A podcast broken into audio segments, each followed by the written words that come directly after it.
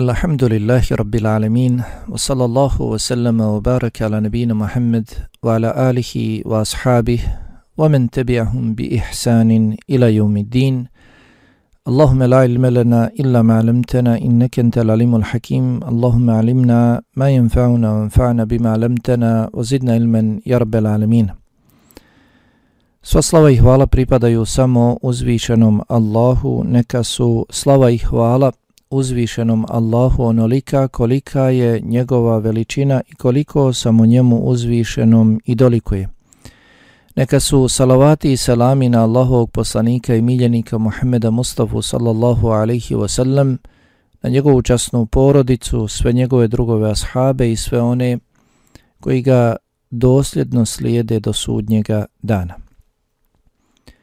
Uz Allahu dozvolu i danas se družimo s hadisima Allahovog poslanika Muhammeda sallallahu alaihi wasallam koji govore o vrijednosti učenja Kur'ana, Allahovog dželle vala govora i vrijednosti njegovih učača, hafiza, nosilaca Kur'ana. Družimo se s tim hadisima koje je islamski učenjak Ahmed ibn Abdrazak el-Ankari hafidhahullahu ta'ala spomenuo u svojoj knjizi 40 hadisa o Kur'anu. Za danas imamo četvrti hadis iz te zbirke. Pa kaže autor hafidhahullahu ta'ala an Ebi Musa el-Eš'ari radijallahu anhu قال قال رسول الله صلى الله عليه وسلم مثل المؤمن الذي يقرأ القرآن كمثل الأترجة ريحها طيب وطعمها طيب. ومثل المؤمن الذي لا يقرأ القرآن كمثل التمرة لا ريح لها وطعمها حلو. ومثل المنافق الذي يقرأ القرآن مثل الريحانة ريحها طيب وطعمها مر. ومثل المنافق الذي لا يقرأ القرآن كمثل الحنظلة ليس لها ريح وطعمها مر.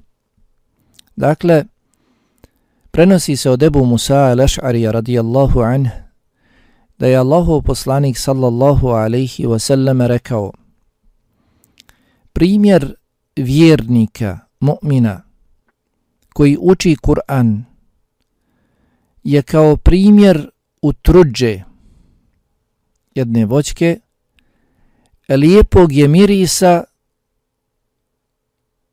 i lijepog okusa. A primjer vjernika koji ne uči Kur'an je kao primjer datule. Nema mirisa, ali je slatkog okusa. I primjer licemjera koji uči Kur'an je kao primjer bosiljka. Lijepog je mirisa, ali gorkog okusa.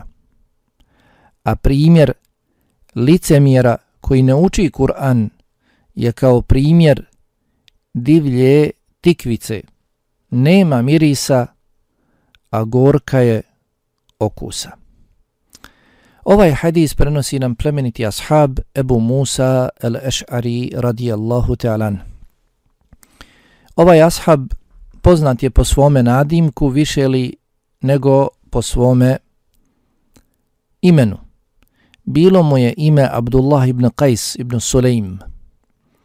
Kaže se da je došao u Mekku u prvim danima Islama i primio Islam, zatim je izašao na put s brodom, pa ga je vjetar odveo do Abesinije, gdje se susreo s Džaferom ibn Abi Talibom radijallahu anh, koji je učinio hijđuru u Abesiniju sa skupinom ashaba, tu ga je sreo Ebu Musa al-Ešari radijallahu talan te i ostao kod njega. A zatim, zajedno s njim, sedme godine po hijđri, učinili su hijđru u Medinu, iz Abesinije u Medinu. Dakle, kada se desila bitka na Hajberu, nakon bitke na Hajberu. Pa je tako Ebu Musa Lešari radijallahu tala učinio tri hijđre. Prvo je učinio hijđru iz Jemena u Mekku i primio islam, zatim iz Mekke u Abesiniju i na kraju iz Abesinije u Medinu. Vjerovjesnik sallallahu alihi wasallam postavio ga je za namjesnika jednog dijela Jemena prema moru. Zatim ga je Omer radijallahu talan postavio za namjesnika u Basri, a Osman u Kufi. Imao je veliko znanje iz vjere, a posebno iz Kur'ana. I kaže se da je mnogo lijepo učio Kur'an. Imam Šabi rahimehullahu ta'ala rekao je znanje uzmite od šesterice, pa je spomenuo i Ebu Musa el-Ešarija radijallahu an među njima. Ibn al-Medini, alaihi rahmetullah, kaže kad je ovoga ummeta su četverica Omer, Alija, Ebu Musa i Zaid ibn Sabit radijallahu anhu međbein. Abdullah ibn Qais ibn Sulaim, odnosno Ebu Musa Lešari radijallahu ta'alan, prenio je od vjerovjesnika sallallahu alaihi wasallame 360 hadisa, od kojih je i ovaj hadis. I na Hiret, drugi bolji svijet, preselio je 53. godine po hijđri, 53. godine po hijđri, Allah dželle vala da bude zadovoljan s njim i sa svim ostalim ashabima Allahovog poslanika, alihi salatu wasalam, i svima nama. Ovaj plemeniti hadis Allahovog poslanika alihi salatu wasalam kojeg nam prenosi Ebu Musa al-Ash'ari prije svega zabilježili su zabilježili su Buharija i Muslim. Čak dakle na isti način pa je hadis muttefaqun alejh i dovoljno je vjerodostojnosti hadisu to što su zabilježili hadis Buharija i Muslim pogotovo dakle na isti način. A nakon njih zabilježili su mnogi učenjaci hadisa ovaj hadis u svojim hadiskim zbirkama, što ukazuje na važnost ovoga hadisa. Zabilježili su čak i četverica autora sunena, dakle Abu Dawud, Nesai, Tirmiz ibn Mađe. Zatim zabilježio je i Imam Ahmed u svome musnedu, zabilježio ga i Darimi, Ibn Hibban, Begavi, Bejhaqi u mnogim svojim dijelima i mnogi, mnogi drugi zabilježili su ovaj hadis. Ovaj hadis još prenosi i Enes ibn Malik radijallahu ta'alan, dakle isti ovaj hadis od Allahovog poslanika sallallahu alaihi wasallam. Dakle, Allahov poslanik sallallahu alaihi wasallam kaže u ovom hadisu Methalul mu'min alladhi yakra'u al-Qur'an primjer vjernika koji uči Kur'an. Vidimo ovdje Allahov poslanik sallallahu alaihi wasallam spominje vjernika, spominje mu'mina, odnosno osobu koja vjeruje u uzvi, uzvišenog Allaha i sve ono što dolazi od Allaha. Vjernik jeste osoba koja svjedoči da je uzvišeni Allah jedan jedini dostojan obožavanja niko drugi mimo njega i svjedoči da je Muhammed Allahov rob i Allahov poslanik, zatim prihvata sve ono sa čime je došao Allahov poslanik sallallahu alihi wasallam od uzvišenog Allaha. On se tome besprijekorno odaziva i pokorava, živi po Allahovim naredbama i zabranama. Vjerovjesnik sallallahu alaihi wasallam ovdje spominje takvog vjernika koji kaže Alladhi yakra'ul Kur'an. Onoga koji uči Kur'an. Primjer vjernika koji uči Kur'an.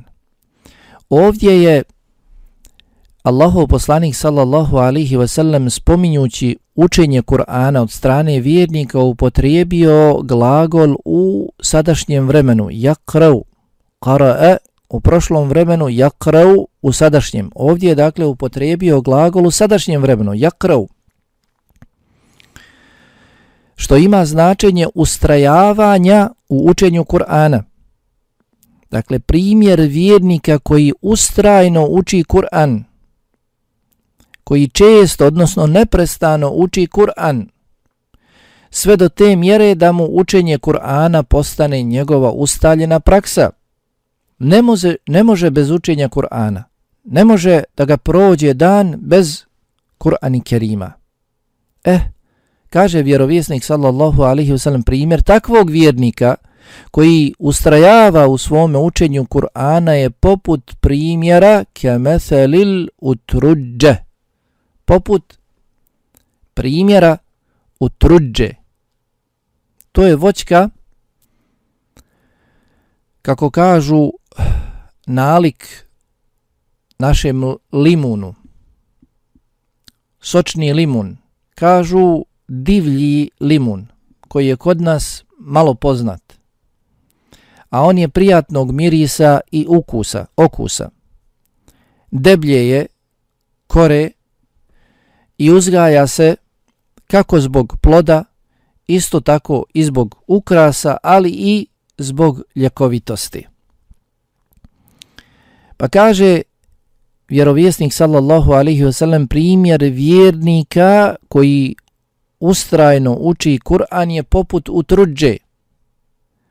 Lijepog je mirisa, rihuha tajibun, wa ta'muha tajibun. Lijepog je mirisa, i lijepog je okusa. Lijepog je mirisa i lijepog je okusa. Vidimo ovdje u ovoj rečenici da je vjerovjesnik sallallahu alaihi wasallam napravio poređenje između vjernika koji ustrajno uči Allahovu knjigu i primjera ove voćke. Pojedini kažu da je to pomoranđa, Allah ne bilje zna.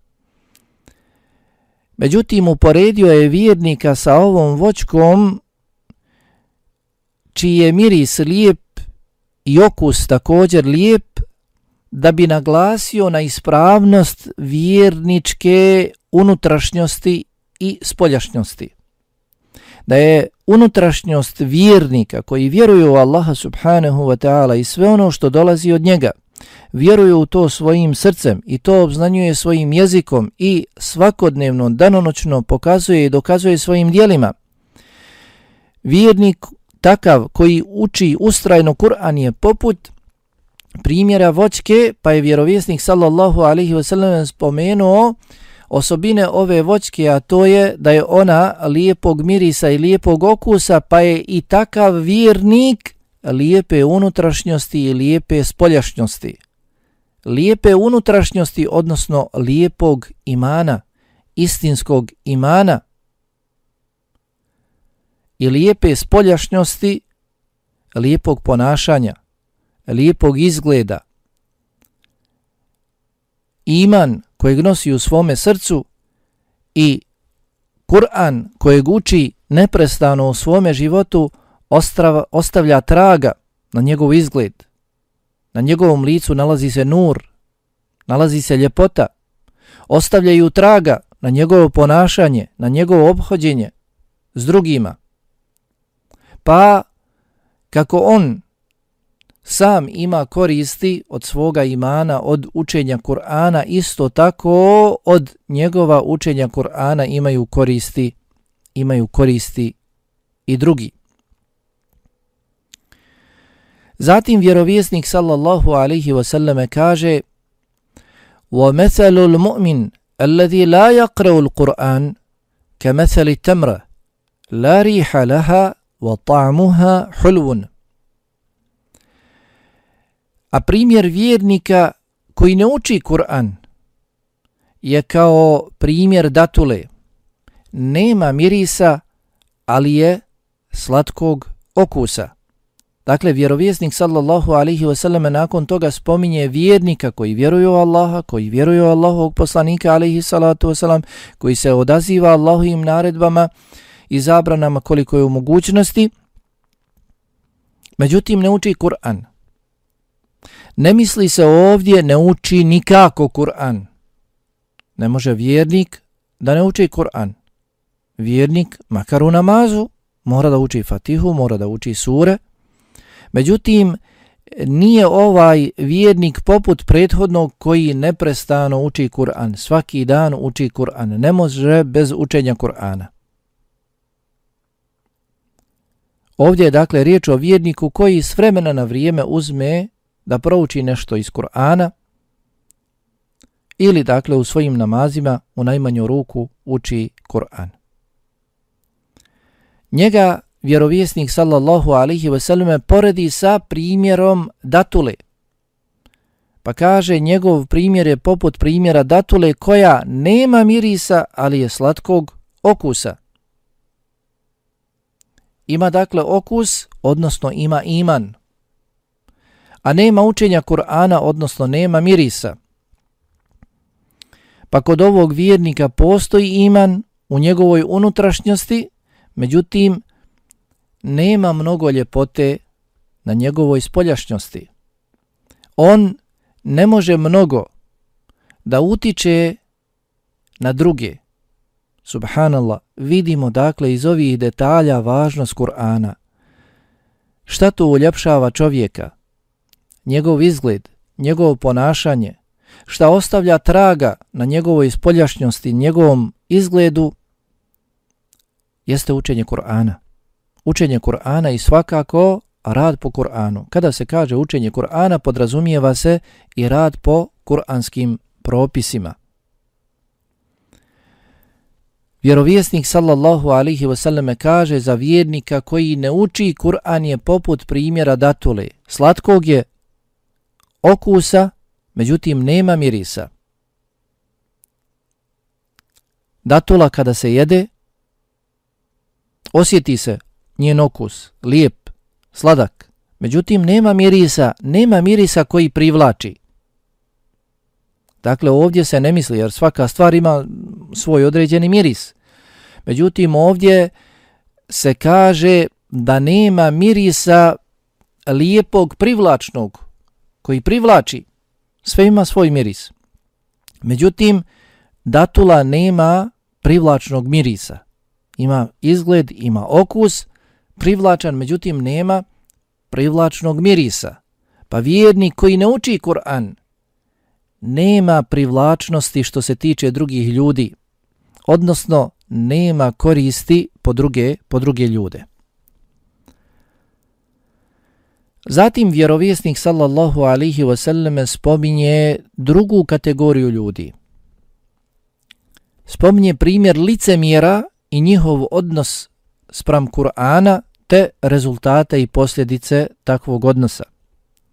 Pa kaže vjerovjesnik sallallahu alaihi wa sallam وَمَثَلُ الْمُنَافِقِ الَّذِي يَقْرَوُ الْقُرْآنِ مثل, مثل الريحانة ريحها طيب وطعمها مر Primjer licemjera koji uči Kur'an je kao primjer bosiljka lijepog je mirisa, ali gorkog okusa.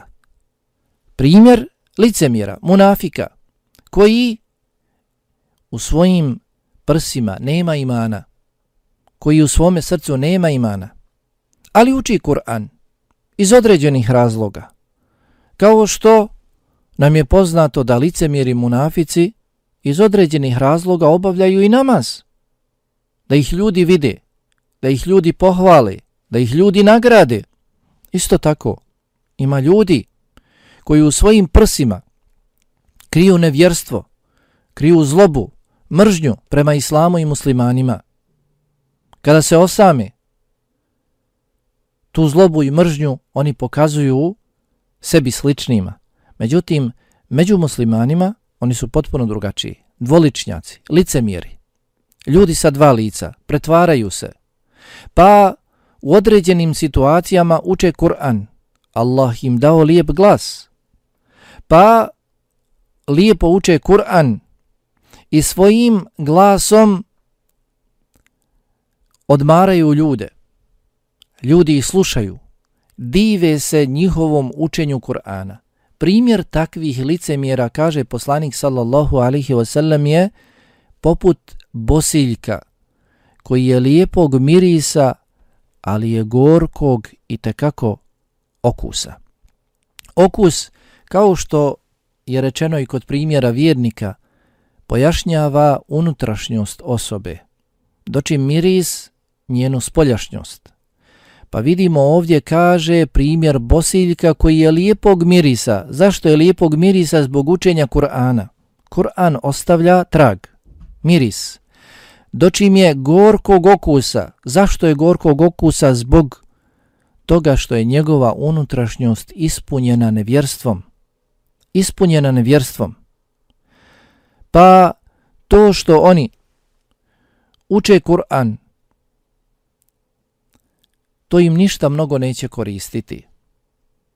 Njihovo učenje im njima konkretno neće koristiti. Možda ostavi traga na druge.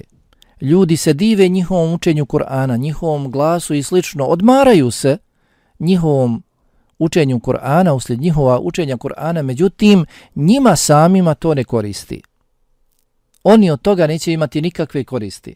Kao što je slično vjerovjesnik sallallahu alaihi wasallam rekao za Havariđe.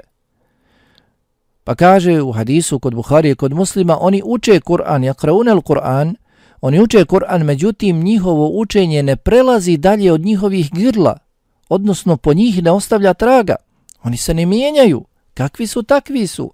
U njihovim prsima nalazi se to što se nalazi. Tako isto, dakle, i munafik koji svojim učenjem odmara ljude, njegov lijepi glas i njegovo učenje Kur'ana ne prelaze dalje od njegove unutrašnjosti. Ne prelaze, dakle, njegovu unutrašnjost, ništa mu ne koristi. I na kraju je vjerovjesnik sallallahu alihi wasallam spomenuo licemjera koji ne uči Kur'an, pa kaže وَمَثَلُ الْمُنَافِقِ الَّذِي لَا يَقْرَوُ الْقُرْآنِ كَمَثَلِ الْحَنْظَلَ لَيْسَ لَهَا رِيحٌ وَطَعْمُهَا مُرٌ A primjer licemjera koji ne uči Kur'an je kao primjer Hanzale. Hanzala je divlja tikva, gorka divlja tikva, tikvica. Kaže, lejse leha rihun, ona nema mirisa, wa ta'muha murrun, a gorka je okusa. Njen okus je gorak. Takav je primjer licemjera koji ne uče Kur'an. Njihov okus je gorak, odnosno njihova unutrašnjost je gorka, ispunjena nevjerstvom. I također nemaju mirisa, nemaju mirisa, odnosno njihova spoljašnjost je loša. Ne mirišu jer ne uče Kur'an. Pa takve osobe nemaju, kao što divlja tikva nema ni mirisa ni okusa, isto tako i ovi licemjeri munafici nemaju imana u srcu, niti dakle imaju svjetla na svome licu, nemaju dobra ponašanja, lijepa ponašanja, kao što se oni sami ne okorištavaju od sebe, oni su sami u tminama na stramputici, isto tako ne mogu da okoriste druge, druge ljude. Allahu dželle vala se utječemo od ovakvih osobina. Iz ovog hadisa Allahovog poslanika sallallahu alaihi wasallam možemo izvući mnogo poruka. Prije svega vidimo iz ovoga hadisa da je dozvoljeno navoditi primjere kako bismo približili značenje nekog pojma, kako bismo ljudima kojima se obraćamo približili značenje onoga o čemu im govorimo. Pa vidimo ovdje Allahov poslanik sallallahu alihi wasallam spominje primjere ljudi koji uče Kur'an. Pa su njihovi primjeri poput toga i toga. I nije ovo jedini slučaj, brojni su primjeri poslanika sallallahu alihi wasallam kada poredi kada govori o nečemu pa to poredi sa nečem drugom, isto tako Allah subhanahu wa ta'ala u svojoj knjizi često navodi primjere pa kaže na primjer وَتِلْكَ الْأَمْثَالُ نَضْرِبُهَا لِلنَّاسِ وَمَا يَعْقِلُهَا إِلَّا الْعَالِمُونَ To su primjeri koje mi ljudima navodimo. To su primjeri koje mi navodimo ljudima. Međutim, samo ih učeni svaćaju. Dakle, dozvoljeno je i treba koristiti ovu metodu da bi se ljudima približilo ono što im želimo poručiti. Zatim, ovaj hadis definitivno ukazuje na vrijednost učenja Kur'ana. Čak vidimo iz ovoga hadisa da učenje Kur'ana ostavlja traga i na licemjera, bar na njegovoj spoljašnjosti. Ostavlja traga na licemira. na licemira. bar na njegovoj spoljašnjosti. Ili ukoliko osoba pri sebi ima osobina licemjerstva, ukoliko uči Kur'an, Kur'an će na nju ostaviti traga. Na osnovu ovoga hadisa možemo vidjeti da se ljudi dijele na četiri vrste, četiri kategorije. Pa imamo prvu vrstu spomenutu u ovom hadisu, to su vjernici, istinski vjernici koji uče Kur'an. I iz ovog hadisa vidimo da su oni najbolji, općenito, i da su oni na najvećem stepenu kod Allaha subhanahu wa ta'ala. Posjeduju iman, istinski iman u svojoj unutrašnjosti, u svojim srcima, iman koji je osnova svakog drugog dobrog dijela i također oni uče Kur'an i to uče neprestano Kur'an, odnosno često, svaki dan, svaku noć, uče Kur'an. A zasigurno Kur'an je jedno od posebnih dijela, o tome smo mogli slušati u komentaru prethodnih hadisa. Učenje Kur'ana je jedno od posebnih dijela kojima se povećava iman. Jedno od posebnih dijela koje ukazuje na druga dobra dijela kojima se također povećava iman. Učenje Kur'ana je jedan od najboljih vidova zikra, spominjanja Allaha subhanahu wa ta'ala i sl. Pa vjernici istinskog imana koji često uče Kur'an, oni su općenito najbolji vjernici i njihova unutrašnjost i njihova spoljašnjost su dobri. Oni, kako su korisni za sebe, tako su korisni za druge. Zatim druga vrsta, vjernici koji ne uče Kur'an, oni su na nižem stepenu od prve vrste, zato što imaju pri sebi iman, ali im nedostaje učenje Kur'ana. Te se u većini slučajeva njihova korist uglavnom ograničava samo na njih same. Samo na njih same. Zatim imamo treću vrstu ljudi spomenutu u ovom hadisu, a to su licemjeri munafici koji uče Kur'an. Oni pri sebi nemaju imana, nemaju osnovu imana, nemaju vjerovanja, ali svojom vanjštinom ispoljavaju određene ibadete, poput učenja Kur'ana. Učenja Kur'ana, od kojih se možda okoriste drugi, ali oni, licemjeri, se ne okorištavaju, jer bilo kakvo dobro djelo ne koristi osobi ukoliko nema temelja, ukoliko nema imana. I na kraju spomenuta je četvrta vrsta, a to su licemjeri koji ne uče Kur'an. Koji ne uče Kur'an. I oni su najgori.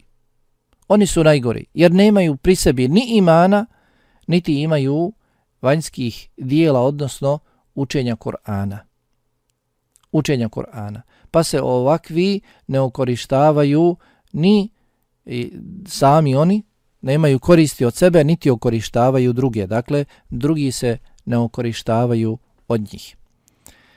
Zatim iz ovog hadisa može se izvući poruka da se konzumiraju lijepa djela, jela, da se konzumiraju lijepa jela, da se ne trebaju ostavljati lijepa djela, jela, jer e, ostavljanje lijepih jela nije skromnost, nije zuhd. Nije zuhd da se ostavi nešto što je lijepo, što je dozvoljeno, što je jeli, dozvoljeno za konzumiranje. Dakle, to nije zuhd, to nije skromnost. Skromnost je da ostaviš ono što te odvlači od Allaha subhanahu wa ta'ala, što te odvraća od uzvišenog Allaha.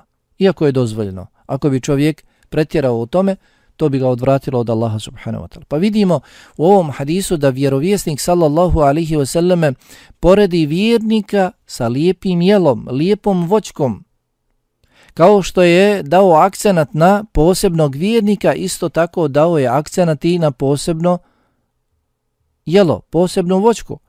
Pa kažu komentatori da se u ovom detalju nalazi posticaj na jedenje lijepih i ukusnih jela. Kao što je druge prilike vjerovjesnik sallallahu alaihi wasallame Aishu radijallahu anha svoju posebnu suprugu uporedio sa hranom, posebnom hranom, pa je rekao vrijednost Ajše radijallahu anha u odnosu na ostale žene kao vrijednost, prevodi se često popare u odnosu na druga jela, odnosno ćevapa, to naši stariji bolje znaju, dakle, kako se prije pravio, jeli ćevap, ne misli se na ove ćevape, već dakle, ta popara ili taj, e, taj dakle, iskrižani hljeb, međutim s mesom, pomiješan s mesom u odnosu na druga jela. Također, e, ovaj hadis shodno i slično prethodnom postiče nas i na klonjenje štetne hrane. Jer vjerovjesnik sallallahu alaihi wasallam je ovdje također spomenuo kod govora o munaficima, licemjerima koji ili uče ili ne uče Kur'an spomenuo je dakle gorke voćke, gorku hranu što ukazuje da bi trebalo izbjegavati hranu koja je gorka iz koje se osjeća neugodan miris.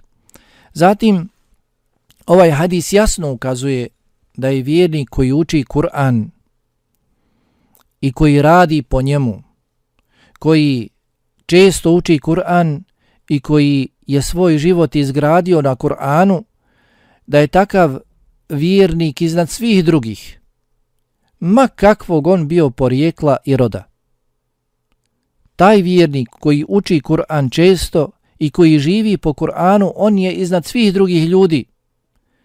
Ma kakvog on porijekla bio. Stoga, onaj koji želi da se uzdigne iznad drugih, da se istinski uz, uzdigne, bez oholjenja, bez omalovažavanja drugih, na njemu je da uči Kur'an i da svoj život uskladi po onome što uči. Pa je ovaj hadis i potvrda hadisu kojeg prenosi Omer radijallahu ta'ala na bilježima muslim u kojem kaže vjerovjesnik sallallahu alihi wasallam doista Allah ovom knjigom, Kur'anom dakle, jedan narod uzdiže a drugi spušta. Doista Allah ovom knjigom jedan narod uzdiže a drugi spušta. Pa onaj ko se druži sa Kur'anom, koji ga često uči i koji svoj život izgradi na njemu, Allah će ga uzdignuti. Allah će ga uzdignuti. Allah će njegovu unutrašnjost i njegovu spoljašnjost učiniti lijepom, učiniti mirisnom. Pa nam sve dakle ovo govori o vrijednosti i važnosti Kur'ana i uticaju Kur'ana na život vjernika – koliko bi vjernik trebao da se druži sa Kur'anom i koliko će tada Kur'an da ostavi traga na njegov život. Jasno vidimo iz ovog hadisa da je Kur'an taj ili to što čovjeku daje ljepotu, što čovjeku daje miris, što čovjeku daje nur, svjetlo na licu, ono što čovjeku daje prijatan osmijeh, lijepo ponašanje, obhođenje s drugima, učenje Kur'ana druženje sa Allahim subhanahu wa ta'ala govorom. I svakako neophodno je da učenje Kur'ana bude popraćeno radom. Bude popraćeno radom, odnosno da se živi po onome što se uči, da dijela prate riječi.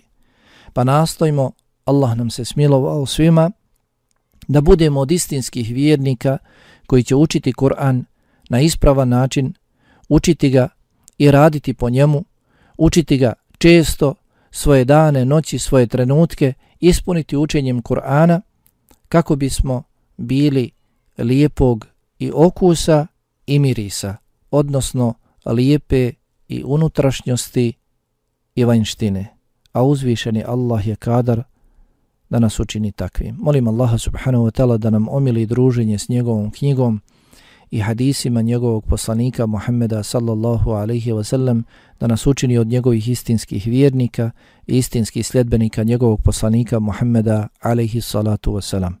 والحمد لله رب العالمين وصلى اللهم على نبينا محمد وعلى آله وأصحابه أجمعين والسلام عليكم ورحمة الله وبركاته.